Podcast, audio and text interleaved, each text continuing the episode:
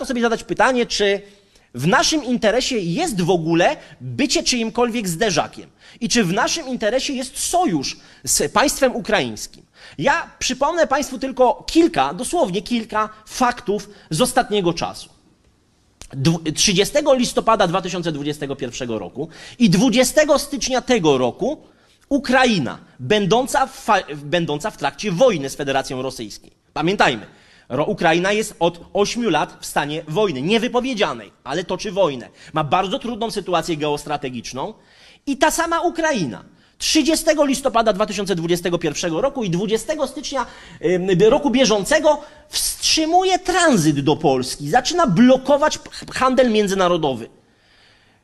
W samym grudniu roku ubiegłego spółka PKP LHS, czyli linia hutnicza szerokotorowa, ma milionowe straty, ponieważ 8, ponad 80 pociągów z Chin nie zostało wpuszczonych przez Ukraińców do Polski i 6 pociągów z Polski nie zostało przepuszczonych do Chin. Ukraina po prostu zaczęła dyktować warunki Polsce, będąc w stanie wojny, prosząc o Polskę o pomoc.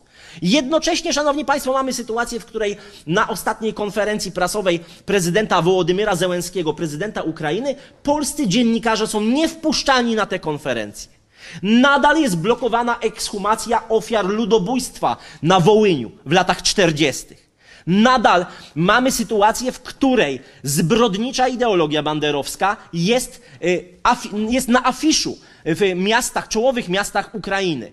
Roman Szuchewicz, wybitny zbrodniarz, e, jest e, patronem bardzo wielu obiektów, bardzo wielu imprez na Ukrainie. E, pomniki są stawiane Stepanowi Banderze, Romanowi Szuchewiczowi i tak dalej, i tak dalej. I co gorsze, szanowni państwo, kiedy w grudniu ubiegłego roku minister spraw zagranicznych Rzeczypospolitej Polskiej, pan Zbigniew Rau, odwiedził Stanisławów, pojechał z oficjalną wizytą na Ukrainę, odwiedził Stanisławów, to przed hotelem, w którym odbywała się ta konferencja i ta, mm, to, to spotkanie, wisiała banderowska czerwono-czarna flaga.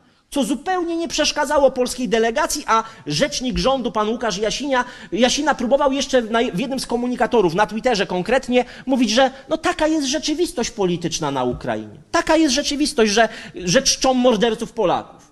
I, i, i, I oni to akceptują. Znaczy, obecna ekipa w MSZ przy Alei Szucha po prostu położyła uszy, mówiąc krótko, i w sposób niezwykle uległy przeprowadziła te, e, te negocjacje, po których zresztą e, otrzymaliśmy odpowiedź od Ukrainy, jeśli chodzi o blokadę tranzytu. Czyli uderzenie w interesy gospodarcze Polski. E, proszę Państwa, na wschodzie jest podstawowa zasada że uległość jest traktowana jako wielka słabość. Jeżeli strona polska jest tak uległa wobec Ukrainy, jeżeli toleruje toleruje gloryfikację zbrodniarzy i ludobójców na narodzie polskim, nie tylko polskim. Jeżeli Polska pozwala sobie na blokadę tranzytu, jeżeli Polska pozwala na niewpuszczanie polskich dziennikarzy na konferencje, jeżeli Polska pozwala na wywieszanie czerwono-czarnych flag na oficjalnych spotkaniach, no to nie dziwmy się, że polscy politycy i sama Polska nie jest szanowana na Ukrainie. Moim zdaniem Ukraińcy będą jeszcze eskalowali ten spór, bo mogą. Po prostu, bo polski, polski rząd jest niezwykle uległy w tym zakresie. Natomiast patrząc na te dwa aspekty, e, czyli na e, politykę ukraińską, która jest polityką antypolską obecnie, patrząc na gwarancje brytyjskie, które w historii nic Polsce nie dawały, tak jak te gwarancje z kwietnia 1939 roku, znając to otoczenie geopolityczne, wiedząc, że e, Wielka Brytania chce nas wykorzystać jako zderzak strategiczny, bo sama nie ma siły. Nie, żołnierze brytyjscy nie przybędą do Polski, nie przybędą dywizje pancerno-zmechanizowane brytyjskie, bo ich nie ma. Nie ma takich dywizji pancerno-zmechanizowanych brytyjskich, które mogłyby stanąć w polu e, naprzeciwko e, tych dywizji rosyjskich. To, że Wielka Brytania przesłała 100 inżynierów, a obecnie kontyngent 350 żołnierzy, to przepraszam, ale to jest śmiech na sali. To jest śmiech na sali. O, może ktoś z Państwa powiedzieć, ale przecież Amerykanie wysłali teraz 1300 żołnierzy y, wojsk powietrzno-desantowych. No, na miejscu amerykańskiego prezydenta innego rodzaju wojsk ja bym nie wysyłał, ponieważ wojska powietrzno-desantowe są to idealne wojska rotacyjne, które w 48 godzin można po prostu zrolować, jak to mówią Amerykanie, i wycofać z zagrożonego terytorium. To jest pewnego rodzaju manifestacja, ale to nie jest realna siła, e, bo jeżeli e, rzeczywiście, hipotetycznie, założymy, hipotetycznie, miałoby dojść do wojny między Polską a państwem związkowym Rosji i Białorusi, to naprzeciwko Mm, armii polskiej stanęłoby około pół miliona żołnierzy. To co to jest 1300 żołnierzy czy 350 ze strony Bry Wielkiej Brytanii? Ale zadajmy sobie proste pytanie: dlaczego Polska miałaby prowadzić w ogóle wojnę z Rosją? Znaczy, jaki, kto ma cel w ogóle wprowadzenia jakiejkolwiek wojny z Rosją? Czy mm, ja zajmuję się naukowo y, geopolityką rosyjską i mogę Państwu powiedzieć, że nie znam żadnej wypowiedzi ani żadnego dokumentu rosyjskiego, ani wypowiedzi żadnego poważnego polityka z Federacji Rosyjskiej, który by artykułował jakiekolwiek, jakiekolwiek żądania terytorialne wobec państwa polskiego. Zresztą Polska jest traktowana i była przez po 91 roku absolutnie marginalnie w mediach rosyjskich. E, ja będąc w Rosji wielokrotnie, prowadząc tam badania, będąc na wymianie także między uniwersytetami, rozmawiałem, mieszkałem w akademiku na przykład, rozmawiałem ze studentami rosyjskimi, którzy naprawdę mieli bardzo mgliste pojęcie o Polsce i to, co kojarzyli, jeśli chodzi o Polskę, to oczywiście papieża Jana Pawła II, no i Roberta Lewandowskiego. To taka ciekawostka. Natomiast absolutnie nie odnosili się wrogo do państwa polskiego. Natomiast jeżeli chodzi o te wypowiedzi rosyjskich polityków, one czasami są obraźliwe oczywiście, ale wiążą się ze sojuszem polsko-amerykańskim. Natomiast nikt Nikt poważny, żadne poważne środowiska polityczne w resortach siłowych Federacji Rosyjskiej nie artykułowały i nie artykują żadnych roszczeń terytorialnych wobec państwa polskiego. Zresztą nikt przy zdrowych zmysłach e, w Rosji nie, nie planuje uderzenia na Polskę, bo wiązałoby się to z potężnymi, z potężnymi perturbacjami dla rosyjskiej gospodarki. E, zatem pytanie jest takie, komu zależy na tej konfrontacji polsko-rosyjskiej? Dlaczego doszło do takiego wielkiego zaostrzenia relacji między Polską a Białorusią?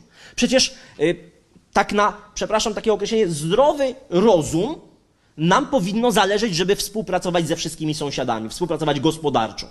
A jeżeli mamy na Białorusi rządy, które próbują się unie, nie tyle, że uniezależnić od Federacji Rosyjskiej, ale próbują zdobyć pewną autonomię i nie dać się, krótko mówiąc, wchłonąć, bo rzeczywiście Aleksander Łukaszenka przez całe dziesięciolecia starał się prowadzić politykę tworzenia sobie jak największej, jak najszerszej autonomii w relacjach z Moskwą. Nie chciał się zgodzić jeszcze w 2012 roku na podpisanie pakietów integracyjnych z Federacją Rosyjską. Proszę sobie wyobrazić. W 1999, czyli kiedy Polska wstąpiła do NATO, zostało zawarte porozumienie o stworzeniu państwa związkowego Rosji i Białorusi. Tylko, że szczegółowe akty nie zostały nigdy wprowadzone w życie.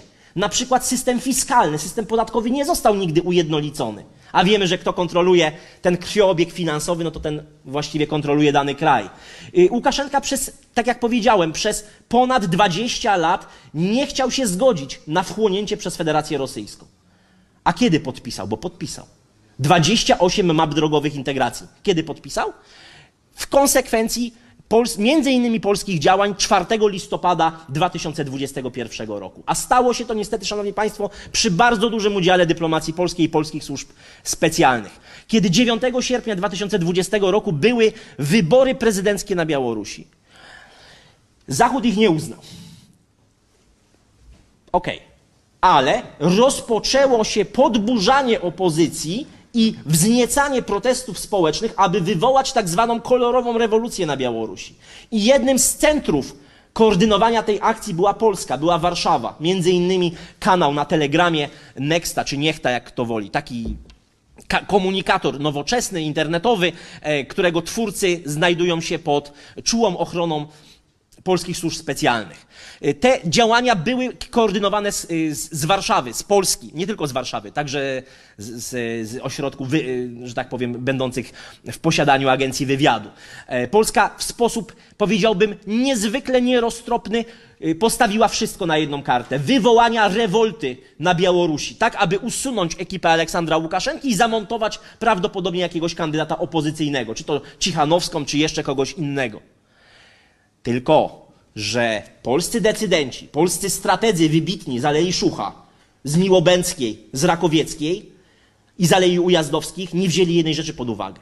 Że te protesty w zakładach zbrojeniowych na Białorusi nie były wywoływane przez polski wywiad, tylko przez rosyjskie służby specjalne bo chodziło o stworzenie sytuacji bezalternatywnej dla Aleksandra Łukaszenki. Sytuacji bezalternatywnej, aby wiedział, że nikt z Zachodu mu nie pomoże i że może podzielić losy Muamara Kaddafiego a w, a w lepszym razie e, Wiktora Janukowycza. I w związku z tym Łukaszenka został postawiony pod ścianą, pod ścianą i po prostu podpisał 28 em, e, programów integracyjnych. I od 4 listopada 2021 roku trudno mówić, aby Białoruś już była w ogóle suwerennym państwem. W mojej ocenie wkrótce będzie dyslokowana taktyczna broń jądrowa rosyjska na Białorusi. Stworzyliśmy sobie po prostu wroga na własne życzenie. Polska polityka wschodnia, polska nieudolna polityka wschodnia doprowadziła do stworzenia ta, takiego wroga. I e, powoli zbliżając e, się do końca i przechodząc do dyskusji z Państwem, jeszcze e, to pytanie ostatnie. Komu zależy na wojnie polsko-rosyjskiej? W czyim ta wojna byłaby interesie? W czyim e, interesie jest konfliktowanie Polski z Rosją, z którą zresztą i tak prowadzimy wymianę handlową. Rosja jest jednym z dziesięciu największych partnerów handlowych Polski. Najwięcej węgla kamiennego z zagranicy kupujemy od Federacji Rosyjskiej. W czyim to jest interesie? No ja widzę kilka takich, szanowni państwo, takich, be, takich beneficjentów, takich graczy, którym niewątpliwie by to sprzyjało. Na pewno, e, na pewno Stany Zjednoczone i Wielka Brytania są zainteresowane w tym, aby osłabiać Rosję, aby oddziaływać na Rosję. Nie ją zniszczyć, ale aby ją osłabić. Dlaczego? Dlatego, że Rosja jest idealnym kandydatem do balansowania w relacjach także z Chińską Republiką Ludową. To jest, patrząc na dzisiejszą mapę świata, musimy sobie zdawać sprawę, że głównym przeciwnikiem geostrategicznym Stanów Zjednoczonych czy Wielkiej Brytanii nie jest wcale Federacja Rosyjska, to jest Chińska Republika Ludowa. Kiedy Amerykanie wchodzili do Afganistanu w roku 2001, w tym samym roku Chiny przystąpiły do Światowej Organizacji Handlu. Zostały, mówiąc tak potocznie, wpięte w globalny system kapitalistyczny i zaczął się ten wielki wyścig o międzynarodową potęgę tego państwa. Dzisiaj to Chiny są największym zagrożeniem dla Waszyngtonu, dla Londynu. I Rosja w tym układzie jest niezwykle potrzebnym partnerem. Jest niezwykle potrzebnym partnerem. To dlatego Joe Biden prowadzi taką uległą politykę wobec, wobec Moskwy, bo potrzebuje tej Moskwy. Potrzebuje, żeby Rosja zachowała, nie jako sojusznika, ale przynajmniej aby Rosja zachowywała tak zwaną życzliwą neutralność, gdyby doszło do wojny na Morzu Południowochińskim, czy na zachodnim Pacyfiku, czy, czy w ogóle szerzej na Indo-Pacyfiku. O to idzie gra. Natomiast, szanowni państwo, jeszcze, jeszcze jest jeden aspekt i o tym nie możemy zapominać i nie może to nie paść na tej sali. Na pewno nie pada w polskich mediach głównego nurtu, ale to, co się dzieje na granicy rosyjsko-ukraińskiej, to jest doskonała operacja przykrycia doskonała operacja przykrycia innej operacji wojskowej, która jest przygotowywana. O wiele poważniejszej i mającej o wiele bardziej dogłębne konsekwencje geopolityczne. Wiemy dobrze, że od jesieni ubiegłego roku w Izraelu jest nowy rząd.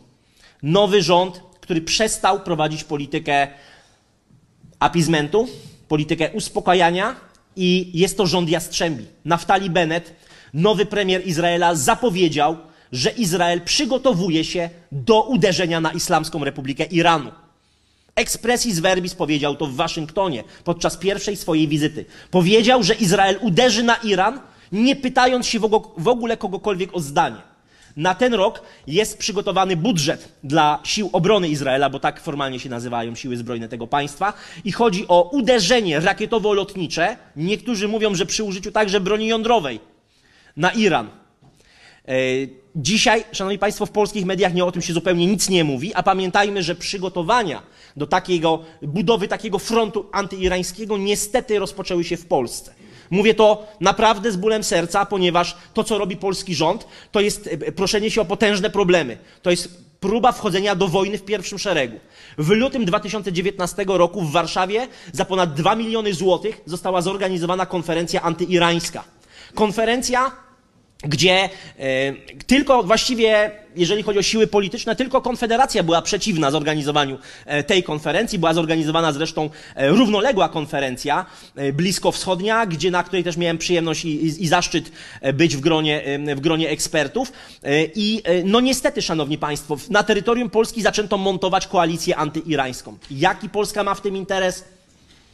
Nie ma żadnego. To nie jest polska racja stanu. W interesie Polski jest kupować surowce energetyczne od Iranu, tanie, y, tanie surowce, kupować ropę od, od Iranu, czy, czy, czy kupować gaz skroplony. To jest interes Polski, natomiast nie wojna z tym państwem.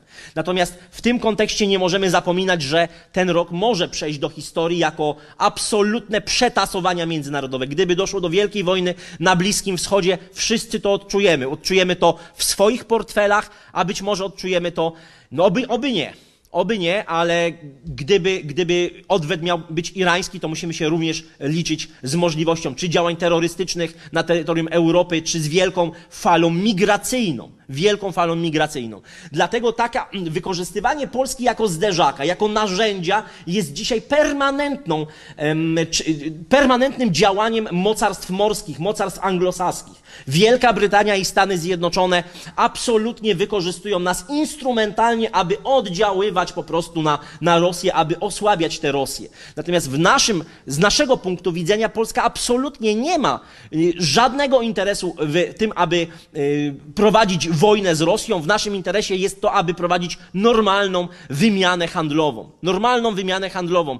E, tutaj nie dajmy sobie wmówić, e, że e, polscy żołnierze mają teraz umierać za Odessę, za Mariupol, Bierdiańsk czy za Kijów. No nie. Rosja prowadzi oczywiście swoją politykę, jest mocarstwem, prowadzi politykę kontroli e, części obszaru tak zwanej bliskiej zagranicy, no ale również taką samą politykę prowadzą Stany Zjednoczone, Chińska Republika Ludowa i tak dalej. Ta polityka nie dotyka e, państwa polskiego. Co więcej, jeżeli chodzi o stronę rosyjską, jest ona zainteresowana współpracą gospodarczą z Polską, czy przedłużeniem kontraktu gazowego, czy budową elektrowni jądrowej w Polsce. I pamiętajmy jedną rzecz, że jeżeli Polska zacznie przyjmować na siebie rolę zderzaka strategicznego, bardzo mocno osłabi swoją pozycję także w samej Unii Europejskiej. Wiemy, że jest nowy rząd.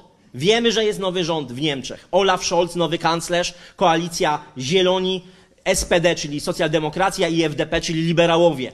I po raz pierwszy w historii Niemiec w umowie koalicyjnej jest zapisane, że Niemcy będą dążyć do przekształcenia Unii Europejskiej w jednolite federalne państwo. W jednolite federalne państwo. A to oznacza likwidację suwerenności państw narodowych. Czy Państwo sobie wyobrażacie taką sytuację, że mamy państwo federalne i o polskiej polityce wschodniej decyduje Berlin? No przecież spójrzmy na ten kryzys, konflikt graniczny między Polską a Białorusią. Za ekstrawagancką pol politykę polskich, e, polskich elit politycznych przypłacili więzieniem działacze polscy na Białorusi. Od wielu miesięcy siedzą w więzieniach. Angelika Borys, Andrzej Poczobut i wielu, wielu innych. Język polski jest rugowany z Białorusi, kultura polska jest prześladowana na Białorusi obecnie. E, natomiast w sytuacji, w której mamy konflikt graniczny, mamy presję migracyjną na Polskę. Jeszcze Angela Merkel dzwoni bezpośrednio do Aleksandra Łukaszenki. Niemcy nie uznają go jako prezydenta, ale Angela Merkel nie omieszkała oczywiście poinformować polskiego MSZ-u, że będzie o sytuacji na granicy polsko-białoruskiej rozmawiać także z Władimirem Putinem. Emmanuel Macron, prezydent Francji, rozmawiał o e, sytuacji na granicy polsko-białoruskiej z Siergiejem Szojgu i z Siergiejem Ławrowem, z ministrami obrony i spraw zagranicznych Federacji Rosyjskiej. Także nie konsultowali zupełnie tego.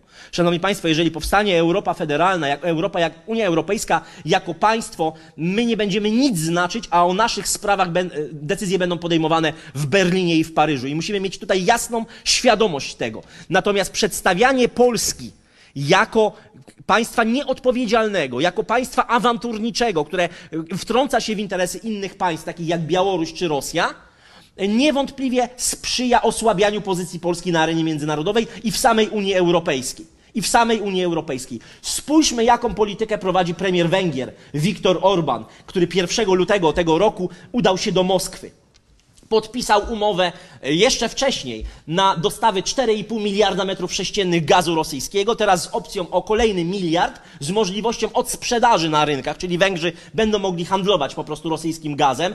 E, a Rosjanie, rosyjski Rosatom postawił elektrownię jądrową w Pax, Przypomnę, Węgry prawie czterokrotnie mniejsze państwo niż Polska, posiada elektrownię jądrową. Obecnie, tak jak powiedziałem, 1 lutego jest e, umowa podpisana, na jest możliwość rozbudowy o dwa dodatkowe reaktory.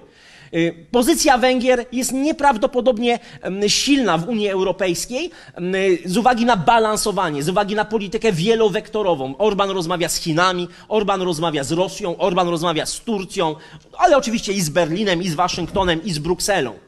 I to jest polityka, moim zdaniem, te mechanizmy polityki wielowe- wielowektorowej, to są te mechanizmy, które Polska powinna stosować. Polska y, polityka jednowektorowa, gdzie opieramy się tylko i wyłącznie na gwarancjach bezpieczeństwa Stanów Zjednoczonych, jest polityką niezwykle chybotliwą. Wystarczy, że zmieni się administracja w Białym Domu, że dojdzie do porozumiewania się wielkich potęg ponad głowami małych i średnich państw i nasze interesy są i będą poświęcane na ołtarzu wielkich, e, wielkich tego świata. Nie dajmy się y, wrzucić w taką pułapkę, nie wchodźmy w tę e, pułapkę Beka, e, Józefa Beka, że wchodzimy do wielkiego konfliktu w pierwszym szeregu.